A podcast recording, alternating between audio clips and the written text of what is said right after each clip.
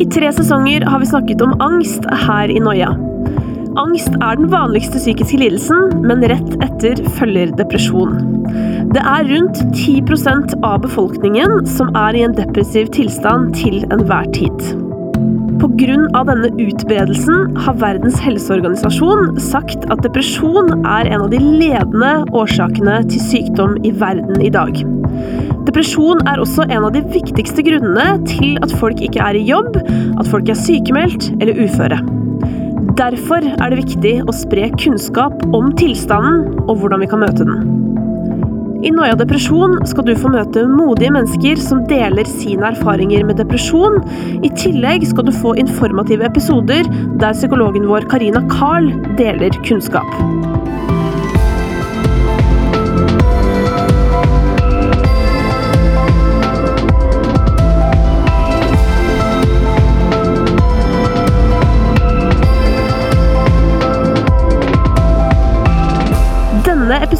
Er en introduksjon til depresjon, og i neste uke skal du få møte vår første gjest, Emily. Og aller først, her er svaret på noe du kanskje lurer på. Hva er forskjellen på noen dårlige dager og en depresjon? Depresjon handler om en nedstemthet som har en varighet og en dybde eller tyngde som er noe mer enn å bare være lei seg i hverdagen, som jo er en naturlig følelse. Tristhet kan vi kjenne som en naturlig del av livet. Men når tristheten blir noe mer, og varer over lengre tid, så kan vi snakke om en depresjon. Men fins det noen helt konkrete tegn som kan vise forskjellen mellom en dårlig dag og det å være deprimert? Det kan vi koble til tankesettet, fordi at en deprimert vil i større grad tolke ting personlig, og tenke at det er jeg som ikke er god nok, ikke får til, ikke virker, ikke fungerer, eh, ikke har verdi, Eh, mens en som har en dårlig dag, eller når vi har en dårlig dag bare, så er det lettere for oss å tenke at det er en dårlig dag, istedenfor at det er noe vi selv gjør feil, eller tolker på omgivelsene i retning av at det er noe feil med meg. Frem til nå har fokuset i Noia vært å spre kunnskap om angst. Men angst dukker ofte opp sammen med depresjon. Så hva er forskjellen på de to? Mens en depresjon handler om en opplevelse av tap, meningsløshet, motløshet, eh, skyldfølelse, tristhet. Eh, det er en ganske kompleks tilstand. Så er angst mer i retning av frykt, hva som kan gå galt, mer en spenningstilstand. Og en angsttilstand kan oppleves og erfares kanskje mer kroppslig og fysisk enn en depresjon, som kanskje går mer på tankene Depresjon kommer til uttrykk i form av en tyngde, en sorg, en tapsopplevelse, tristhet. Det kan også være mye motløshet, meningsløshet, maktesløshet, eh, skyldfølelse, dårlig samvittighet og skam. En angst er annerledes i det at det er frykt involvert på en helt annen måte. Eh, tanker om hva som kan gå galt, hva som kan skje.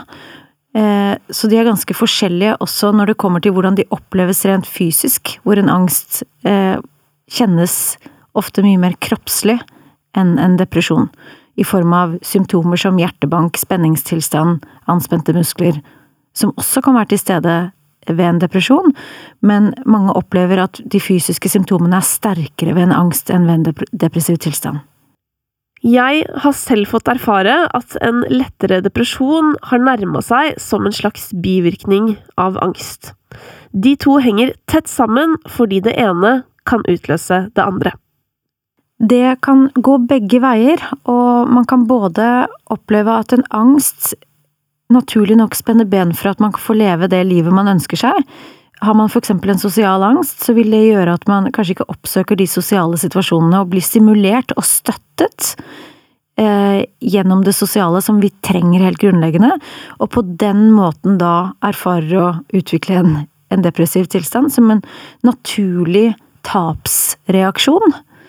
Eh, det kan også være andre vei, med at hvis du har en depressiv tilstand og opplever å ikke mestre livet, hverdagen og det sosiale terrenget, så kan du utvikle en engstelighet eller angst, frykt, bekymring knyttet til de situasjonene, knyttet til fremtiden, som igjen aktiverer en angst.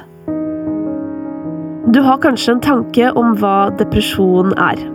Kanskje ser du for deg en person som har det tungt, er trist, lei og ikke orker å ta vare på seg selv. Tristhet er en følelse som ofte forbindes med depresjon, men det er også flere andre signaler som kan dukke opp hos en som er i, eller på vei inn i, en depressiv tilstand. Eh, ofte så kommer en depresjon også til uttrykk i form av andre typer følelser. Irritasjon, sinne, frustrasjon. Eh, og det kan være en ganske sånn kompleks tilstand den trenger ikke alltid å synes så godt. Så jeg tenker at vi ikke må tenke på depresjon som eh, en som bare har gitt opp, og eh, at det synes i form av tristhet, for det trenger det absolutt ikke å gjøre. Og en depresjon kan også komme til uttrykk i form av en sånn følelsesløshet, en likegyldighet. Den har så mange ansikter.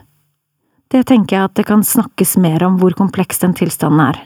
I tillegg så tenker jeg at en depressiv tilstand ofte har et rykte på seg for å være en type tilstand hvor man på en måte har gitt litt opp. Eh, heller enn å snakke om hvor komplekst og sammensatt det faktisk er, hva som skjer i hjernen.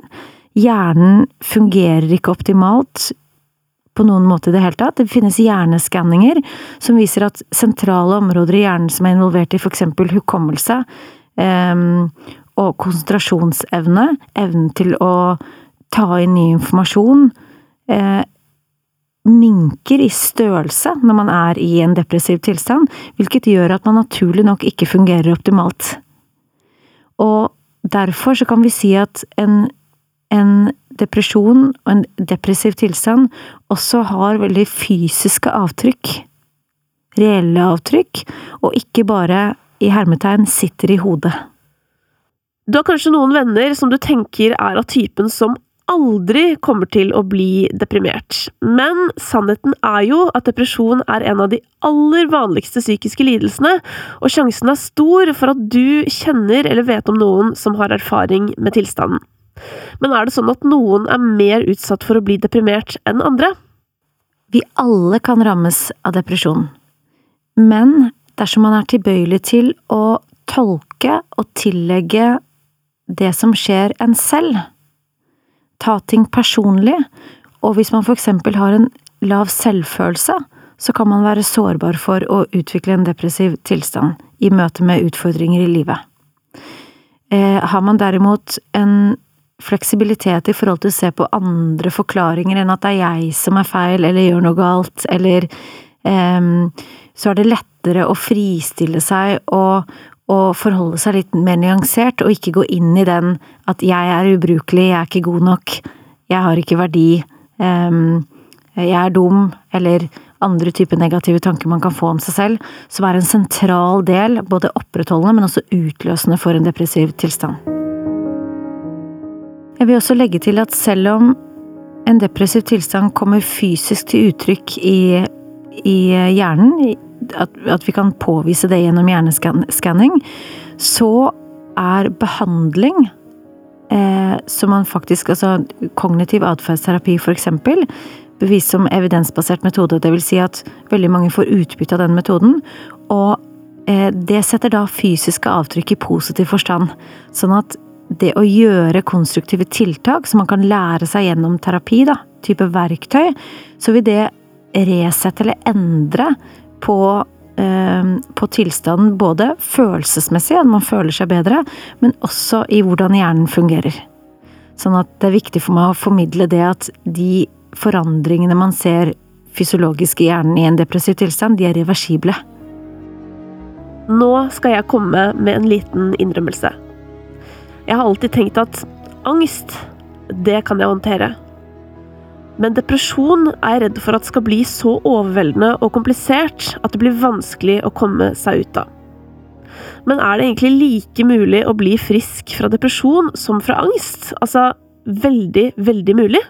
100% Husk at eh, ca. en fjerdedel av oss opplever en depressiv episode i løpet av livet, og det er tilsvarende tall for angst. Eh, og jeg tenker at ofte så utvikler vi angst eller depresjon, altså tilstandene, og erfarer de, møter de, fordi at det er noen behov vi ikke får dekket i livene våre. Ofte så har de en naturlig forklaring, sånn at det, det, trenger ikke å forstås som noe negativt, igjen så bruker jeg hermetegn, men at det heller kan vise vei. Det gir en anledning, eller det sier noe om noe vi mangler. Det er på ingen måte farlig å erfare en depressiv tilstand. Det går over, også uten behandling, men da tar det lengre tid. Vi som jobber med noia, vi håper jo at noen kan lytte til det vi lager, og kanskje få nok kunnskap til å klare å unngå å gå på en såkalt smell. Men det merkelige er jo at det virker nesten som det ikke er mulig å gjøre nødvendige endringer i livet før man faktisk må. Der er vi inne på noe sentralt for oss mennesker, fordi på mange måter så er vi justert etter minste motstands vei. Vi gidder ikke helt å anstrenge oss før vi må, så noen ganger så blir vi nødt til å, å møte på utfordringer før vi, før vi tar tak. Um, og så tenker jeg at kanskje suksesskriteriet ikke er at vi ikke skal møte det vanskelige, men heller um, se det som en anledning til å tilpasse oss, til å lære, og til å bli enda klokere i hvordan vi guider oss selv, um, og forholder oss til livet på resten av reisen. I disse dager er det mange som beskriver tilstanden sin som eh, deppa. Og noen er kanskje det, mens andre kanskje bare er utrolig lei av eh, situasjonen, av isolasjonen, lei av å være inne og ikke få muligheten til å mestre, det være seg i arbeid eller på andre arenaer. Burde vi være litt på vakt i forhold til å bli deprimert med tanke på situasjonen vi lever i nå? Jeg tenker at det siste vi trenger er å bekymre oss for om vi kanskje er på vei inn i en depressiv tilstand, fordi det kan sette tanker i gang, og er det noe som både kan være utløsende, men også opprettholdende når det kommer til en depressiv tilstand, så er det nettopp tankesettet vårt. At vi begynner å gruble. Grubling kan defineres som tanker som går i ring, og at man da blir eh, gående og spørre seg selv eksempelvis «Øh, er på vei inn i en depresjon? Eh, hvordan har jeg det nå? Så selektiv oppmerksomhet blir kjenner etter, og hele tiden eh, holder seg selv tilbake på eh, hvor deprimert er jeg nå? Eller kjenner jeg noe glede nå? Ikke sant? Og, og, det vi ser etter, det finner vi. Så det kan i seg selv på en måte sette i gang en sånn uheldig uheldig spiral som på ingen måte nærer. For noen så kan det være en støtte å tenke at enten så er du i en depressiv tilstand, og da merker du det, da vet du det. Eh, eller så er det tvilen og frykten for, og det er to forskjellige ting. Tegn du derimot kan være oppmerksom på, er Det kan være eh, en motløshet, mindre energi, eh, tanken om at det ikke kommer til å bli bedre, miste motivasjon, slutter å gjøre ting som tidligere ga glede, opplever ikke den samme gleden mer eh, av eksempel hobbyer, interesser, eh, å være sammen med venner eller noe som er jobbrelatert. Det kan være hva som helst. Men man mister litt den eh, rewarden, altså det man, det man, opplever å få igjen i møte med hverdagen og livet. At hverdagen blir sånn tung, noe man skal komme seg igjennom. Eh, mister initiativ. Kanskje slutter å ta vare på seg selv. Personlig hygiene. Eh, hvis man eksempelvis er vant til å trene eller andre former for å ta vare på seg selv, da. Eh, lage gode måltider. Eh, investere i seg selv på ulike måter, og slutte å gjøre de tingene der, så kan det være signaler. Det som er, er jo at for meg i hvert fall, jo mer alene jeg er, jo vanskeligere blir det på en eller annen måte å komme seg ut. Det blir vanskeligere å opprettholde rutiner, det blir etter hvert ganske lett å droppe trening. Men det fins ting vi kan gjøre som kan være med å forebygge veien inn i nedstemthet og depresjon. Det du kan gjøre, er å, å enten å snakke med noen, dele, fortelle hvordan du har det eller du kan prøve å holde fast ved noen av de rutinene likevel. Og så tenker jeg at eh, det ikke trenger å være enten-eller.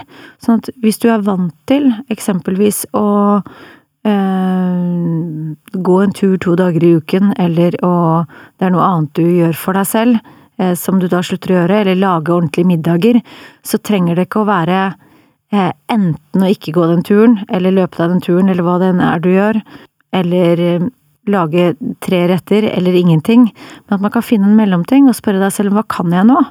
Sånn, så jeg tror det er viktig å prøve å opprettholde vaner.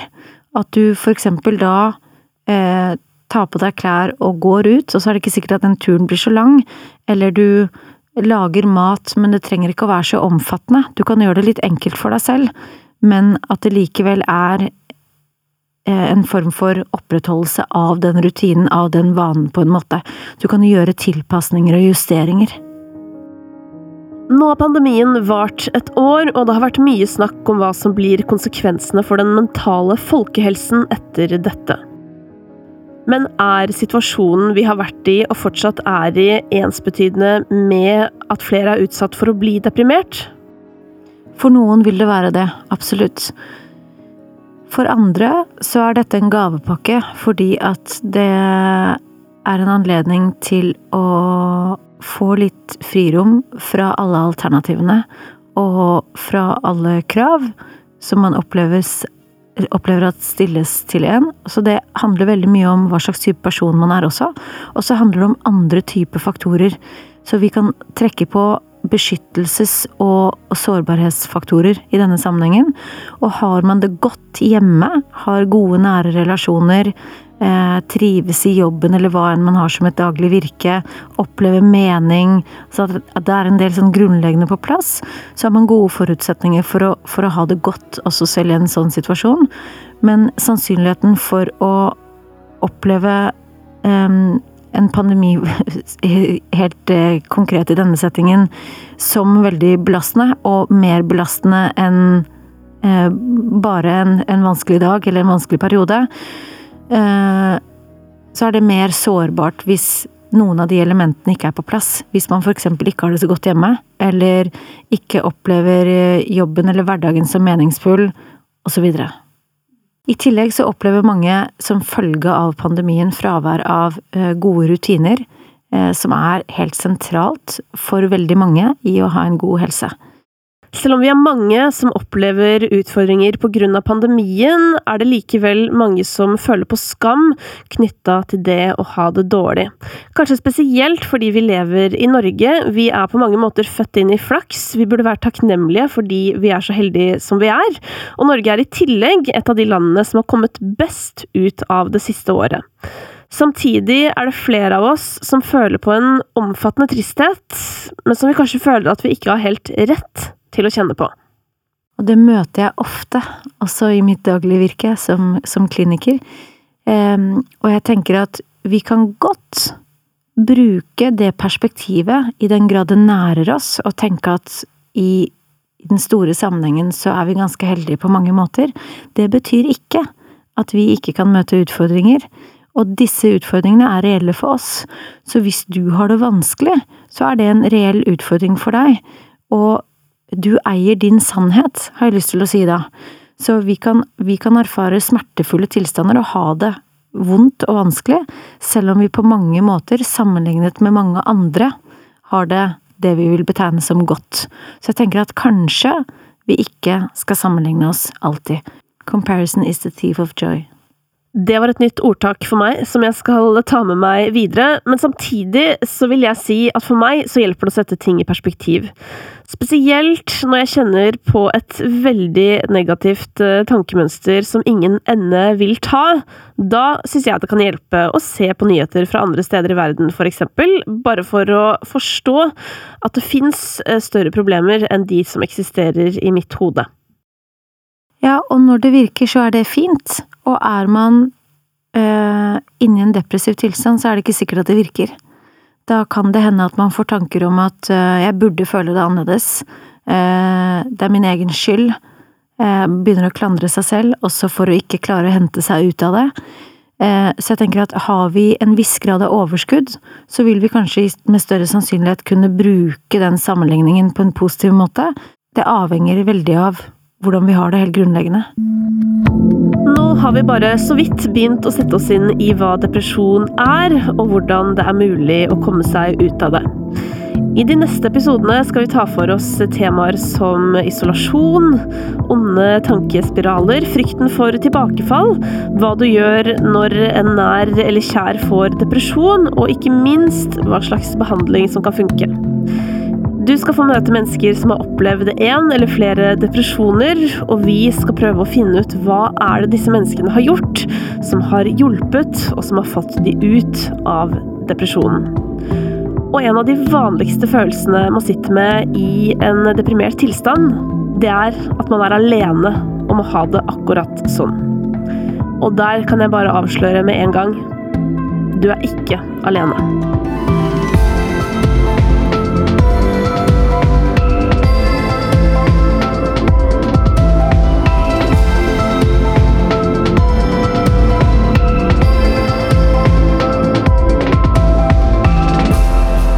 Lages i samarbeid med Rådet for psykisk helse, med støtte fra stiftelsen DAM. Og hvis du har noe du har lyst til å si til oss i Noia, så kan du finne oss på Instagram eller på noiapodkast.no.